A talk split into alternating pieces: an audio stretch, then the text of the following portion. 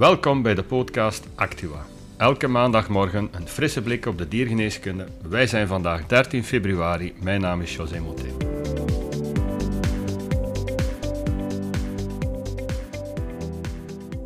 Epilepsie en de labradoodle. Initiatieven om meer te weten te komen. Een vertoningsverbod op bepaalde honden- en kattenrassen in Nederland. Lantanumcarbonaat voor katten met nierinsufficiëntie. Een kleine veldstudie in België en Nederland en diergeneeskunde voor wie het niet kan betalen. Een panelgesprek aan de faculteit. Epilepsie en de labradoodle. Epilepsie komt veel voor bij de labradoodle en is soms moeilijk te behandelen. Dat heeft natuurlijk een behoorlijke impact op het leven van de hond en van de eigenaar.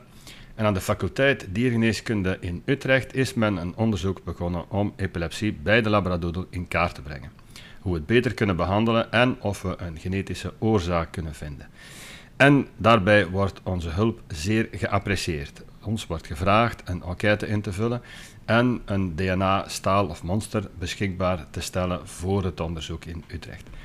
Links en QR-codes kan je vinden op de website van Paul Mandigers, veterinair koppelteken neuroloog.nl of stuur ons gewoon een mailtje. Wij sturen de link wel door info at vera-icon.be.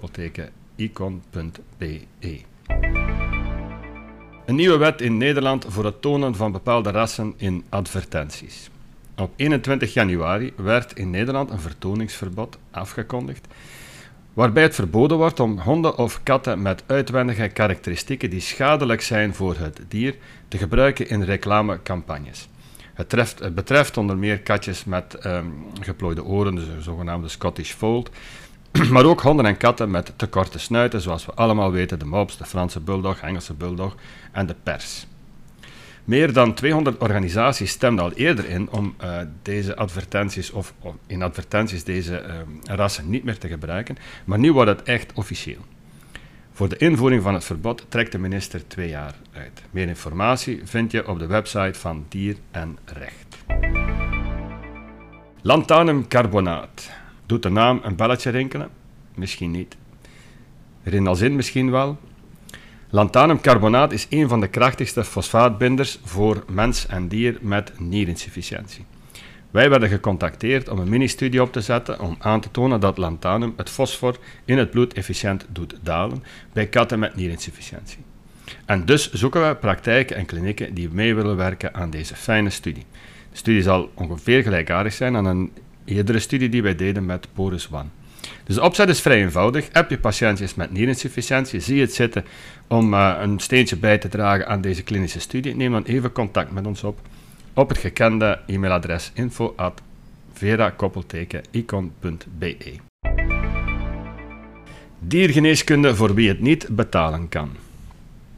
Op 14 maart organiseert de faculteit Diergeneeskunde een panelgesprek rond betaalbare diergeneeskunde, met een focus op gezelschapsdieren. Wat als de eigenaar de diergeneeskundige zorg niet kan betalen? Een onderwerp dat alsmaar actueler wordt. Anderzijds, wat zijn de noden van de dierenarts? Die werkt binnen een economisch model, maar ook wel het dier wil helpen. In het panelgesprek zal gepraat worden over bestaande mogelijkheden, hoe moeilijke beslissingen genomen worden, hoe je hier als persoon mee om kan gaan. Het panel is samengesteld uit vertegenwoordigers van diverse disciplines. Uiteraard zijn er praktici. Uh, er zal een expert zijn uh, op vlak van dierenwelzijn. Er is een vertegenwoordiging of een expert uh, in ethiek vertegenwoordiging van eigenaren en ook iemand uit de verzekeringssector. Ben je geïnteresseerd? Uh, ja, zorg dan maar dat je op 14 maart aanwezig bent om 6 uur aan de faculteit. Toegang is gratis, inschrijven is wel verplicht. De link voor inschrijven werd reeds eerder ook uh, uitgestuurd door het uh, VEDA. Ben je hem kwijt of zeg je van hey, stuur hem mij snel door? Stuur ons een mailtje. Vorige week heb ik het al vermeld, maar ik doe het graag nogmaals. Op 12 mei organiseren wij opnieuw onze Vera Icon Dag. Het programma is zo goed als compleet. Wat vaststaat is dat er drie parallele lezingen worden gehouden. Zoals vorig jaar hebben we een dagprogramma voor dierenartsen, maar dit jaar hebben we ook een volledig dagprogramma voor assistenten. En wat ook nieuw is, is dat we een volle dag lezingen organiseren over praktijkmanagement.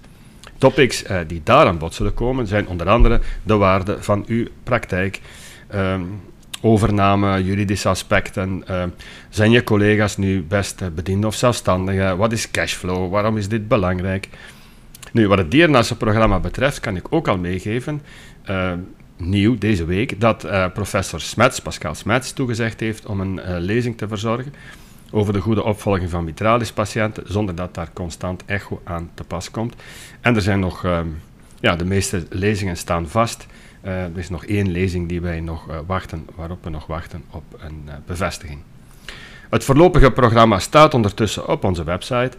Wil je verzekerd zijn van je plaatsje, dan kan je nu al inschrijven.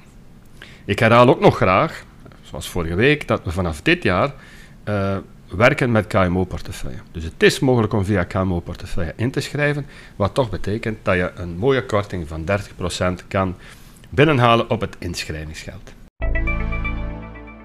We zijn aan het einde gekomen van deze editie van onze podcast. Zie of hoor jij iets interessants waarvan je vindt dat wij het allemaal zouden moeten weten? Laat het ons zeker weten via info@vera-icon.be.